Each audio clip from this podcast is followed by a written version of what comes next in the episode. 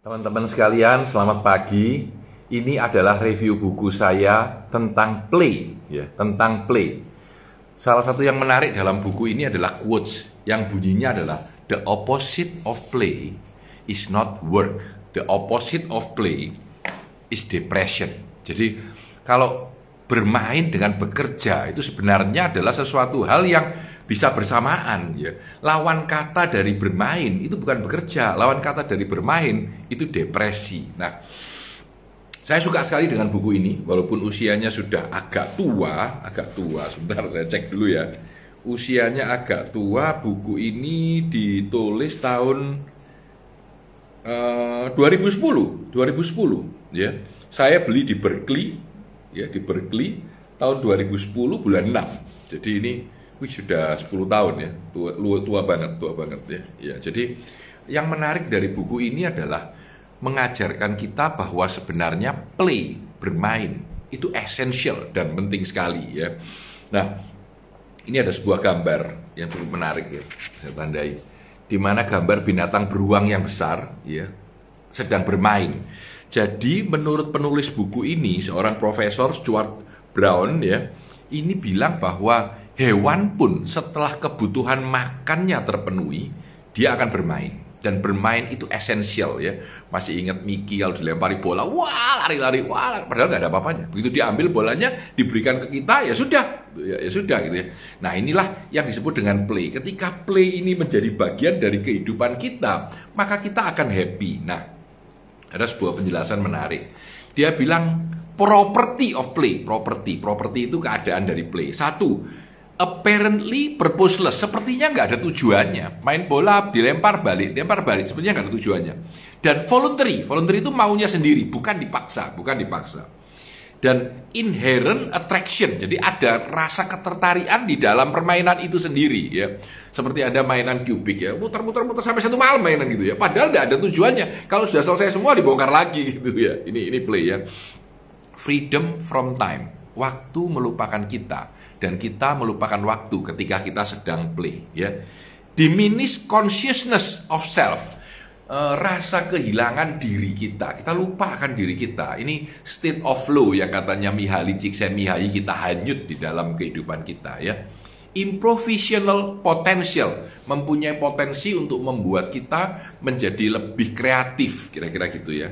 Continuation desire. Ada keinginan untuk bermain terus. Seperti kalau anda bermain catur atau bermain uh, apa namanya kartu atau bermain apa pun game mainan game misalkan ya. Wah itu tidak selesai selesai ada mainan game seneng mainan game seneng ya. Sampai lupa waktu. Satu jam dua jam tiga jam lima jam tidak berhenti ya. Nah yang menarik adalah bagaimana kita lupa akan bermain ya. Bagaimana kita lupa akan bermain. Waktu kecil kita merasa seneng banget. Mulai main gundu main uh, press main kartu main apa setelah besar kita melupakannya. Kita lupa akan kata bermain. Tetapi sebenarnya deep down inside di dalam diri kita, kita punya yang di dalam buku ini disebut eight personality of play. Jadi termasuk kita itu hidup kita itu tanpa sadar jalan. Nah, ada delapan personality dari play. Saya tunjukkan. Ini delapan saya tulis ulang ya. Satu, The Joker. The Joker ini orang yang suka lelucon, suka bergurau, suka segala macam itu disebut The Joker. Yang nomor dua, The Kinesthetic. Kinesthetic ini orang yang olahraga ya, orang yang dengan tubuhnya lentur, yoga, terus eh, lari segala macam ya. Ini ini buat tak badannya kekar itu kinesthetic tubuh ya. Yang ketiga, Explorer. Ini pendaki gunung, pelari ya. Ini adalah explorer, terutama yang naik-naik ke tempat-tempat yang aneh gitu ya pergi ke uh, teman saya pergi ke Amazon River gitu. Ini explorer ya. Lalu kompetitor, kompetitor ini orang yang suka dengan bertinju, bertarung, ya. Lalu uh, main olahraga yang kompetitif, bahkan basketball itu semua adalah eh, kompetitor ya. Lalu yang berikutnya director. Ini adalah orang yang suka memerintah orang. Tanpa sadar dia suka memerintah, suka ini, suka itu. Saya ingat Donald Trump. Jadi, jadi wah maunya sendiri. Itu itu adalah director. Yang nomor 6 adalah kolektor. Nah ini menarik. Kolektor ini saya dulu kecil suka nyimpan perangko. Walaupun lama sudah. Udah hilang ke mana enggak tahu. Itu kolektor. ya Kolektor orang yang mengumpulkan sesuatu. Ada orang yang koleksi teman saya baik koleksi uh, korek, korek api satu-satu. Ya itu termasuk state of play ya. Kita katakan state of play, keadaan di mana imajinasi kita, tubuh kita, keadaan kita semuanya sedang bermain ya. Itu kolektor. Nah, yang nomor tujuh artis. Saya bukan artis, tapi saya penggemar artis. Jadi kalau Anda lihat ruangan ini saya di ruang kerja ya. Salah satu alasan saya kali ini di ruang kerja adalah saya ingin menunjukkan bagaimana kita play. Itu work from home ya. Ini adalah gambar tentang kopi dengan pelanginya ya. Wow NAH ya. Ini adalah karena apa? Karena saya menyukai play. Artis itu saya suka gitu ya. Uh, lukisan, kesenian, tapi saya sendiri tidak tidak seorang artis. Saya adalah yang nomor 8 ini the storyteller, the storyteller ya, the storyteller, the storyteller. Jadi uh, saya cerita kenapa disebut wow NAH, kenapa pelangi itu hanya pada ujung secangkir kopi, kenapa uh, kancing sang nenek itu jatuh dan dicari di depan rumah. Saya storyteller, bahkan guru atau dosen itu menurut bukunya play ini termasuk storyteller, termasuk storyteller. Tanpa sadar kita masuk ke dalam state of play. Dan inilah delapan personality dari play. Joker, kinesthetic, explorer, competitor, director, collector, artis, dan storyteller. Ya, Anda tipenya apa? Ini menarik. Anda pasti bisa menyadari diri sendiri, nggak usah pakai personality test lah ya. Dan di sini saya tulis, the opposite of play is not work, it's depression. It's depression. Nah, buku ini cukup keren, cukup lucu dan walaupun sudah tua, tapi cukup cukup terkenal lah di dunia play ya. Dia menunjukkan bahwa Eh, penulis ini paling sering dia bilang di sini ya. Dia bilang paling sering dia diundang orang untuk berbicara terutama dalam corporate ya. Adalah creativity dan innovation. Jadi creativity dan innovation itu paling relate kepada play ya. Bahkan ada riset yang menunjukkan bahwa orang kalau diajak bermain dulu itu kemampuan kreatifnya naik luar biasa. Ya, naik luar biasa. Ada sebuah percobaan begini. Jadi orang itu masuk ruangan ya dan di dalam itu dikasih uh, sebuah pertanyaan solving problem. Solving problem itu dikasih dua tali besar dua tali ya. Lalu disuruh kedua tangannya memegang kedua tali itu. Tidak cukup caranya karena terlalu jauh. Dan tidak ada apa pun di ruangan itu kosong sama sekali. Dan orang tuh ngambil tali satunya ngambil satunya nggak bisa gitu ya. Nah terus berusaha nggak bisa nggak bisa. Nah menarik. Ada dua kelompok orang. Yang satu begitu masuk disuruh dikasih persoalan itu solving the problem ya dan yang bisa selesai cuma 30%. Jadi 10 orang, 3 selesai, 3 mampu, 7 tidak mampu menyelesaikan. Tetapi ketika di depan itu dikasih permainan dulu. Jadi sebelum orang masuk disuruh lempar-lemparan, main ini, main segala macam gitu ya. 10 menit mainan sebentar sambil ngobrol sambil happy-happy. Masuk disuruh solve the same problem. 80% menyelesaikan persoalannya. Lucu banget. Jadi cara menyelesaikannya simple. Tali yang satu dilempar sehingga bergayutan, lalu dia lari ke tali satunya dipegang dan tali satunya waktu menggayut ke sini diambil gitu. Dan kedua tali bisa dipegang. Itu itu rahasianya ya. Jadi yang menarik adalah orang yang sebelum melakukan problem solving itu dikasih play, di expose to play 10 menit aja, ternyata kemampuan problem solvingnya naik luar biasa, naik luar biasa. Itulah kekuatan play. Jadi ketika kita play, otak kita ini bisa lari ke mana-mana. Itu juga yang membuat saya di kantor saya ataupun di rumah saya yang sekarang jadi ruangan kerja saya. Saya suka dengan segala warna-warni ini. Karena menurut saya ini merangsang otak kita lebih kreatif, lebih inovatif, lebih mampu berpikir ya. Ini ini pikiran saya, jadi ini pendapat saya. Tapi di buku ini diberikan banyak validasi bahwa benar ya.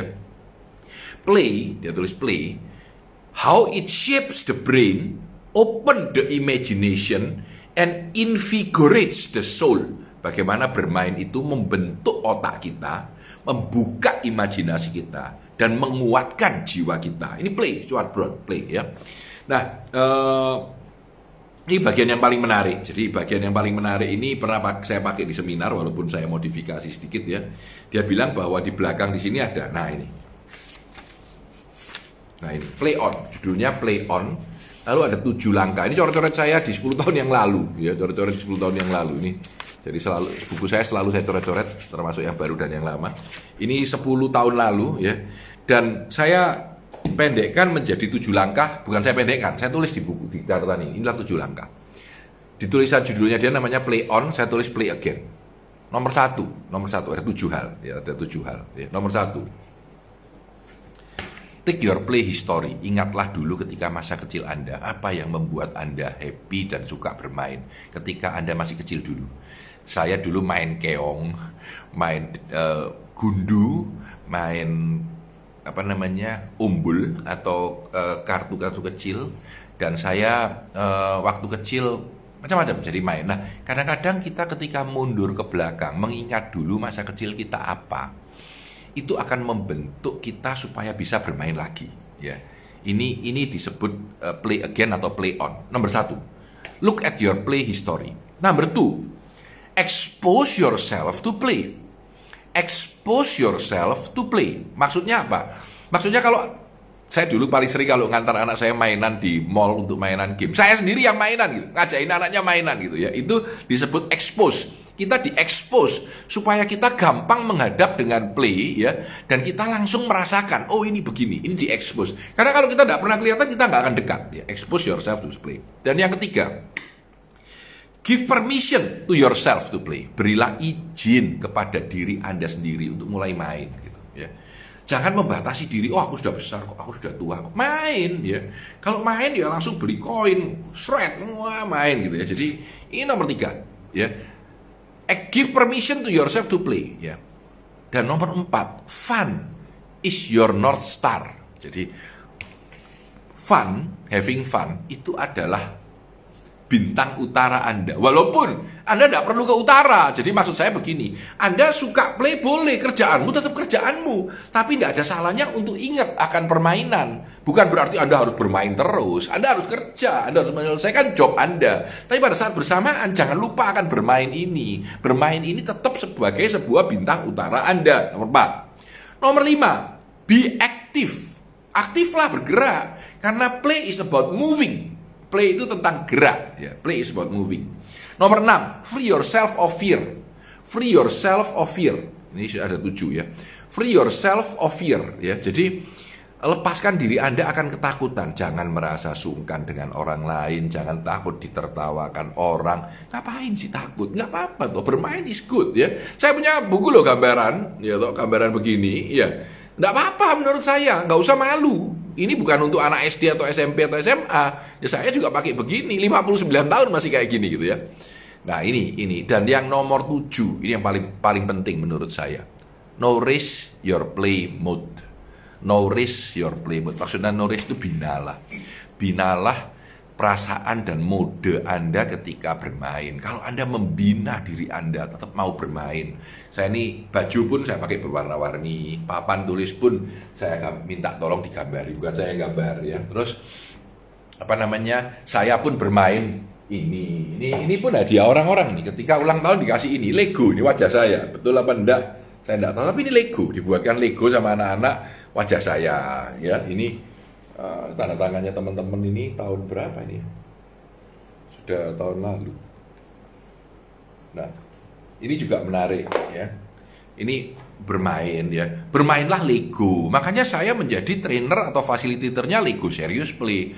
Bahkan saya kalau menciptakan inovasi atau mengajar korporasi untuk bermain inovasi, saya memakai konsep yang namanya design thinking. Design thinking itu juga tidak lepas dari play sebenarnya, ya. Ini yang menurut saya penting dalam kehidupan kita. Jangan kita melupakan play, lalu membuat ruang kita semuanya steril, bahasa saya steril, semuanya putih gitu ya. Itu problem menurut saya. Ya, jadi kalau Anda mau kembali bermain, disebut play on atau play again, ada tujuh langkah. Yang pertama, ingat masa kecil dan keadaan dulu masih muda. Kedua, expose, tunjukkan diri Anda kelihatan dengan play-play yang ada di lapangan. Lalu yang ketiga, beri izin kepada diri Anda untuk bermain. Saya kalau ke Disneyland itu sampai anak saya aja nggak mau ikut, saya masih main di Disneyland, kira-kira gitulah ya. Fun is your not star. Fun itu adalah bintang utara Anda. Walaupun Anda nggak harus kerja atau mengarah ke sana terus, kerjaanmu ya tetap, tapi tetap harus punya fun. Yang kelima, be active, be active. Yang keenam, free yourself from fear, lepaskan diri Anda dari ketakutan. Dan yang ketujuh, no risk atau binalah play mode Anda, mode play Anda, mode play Anda.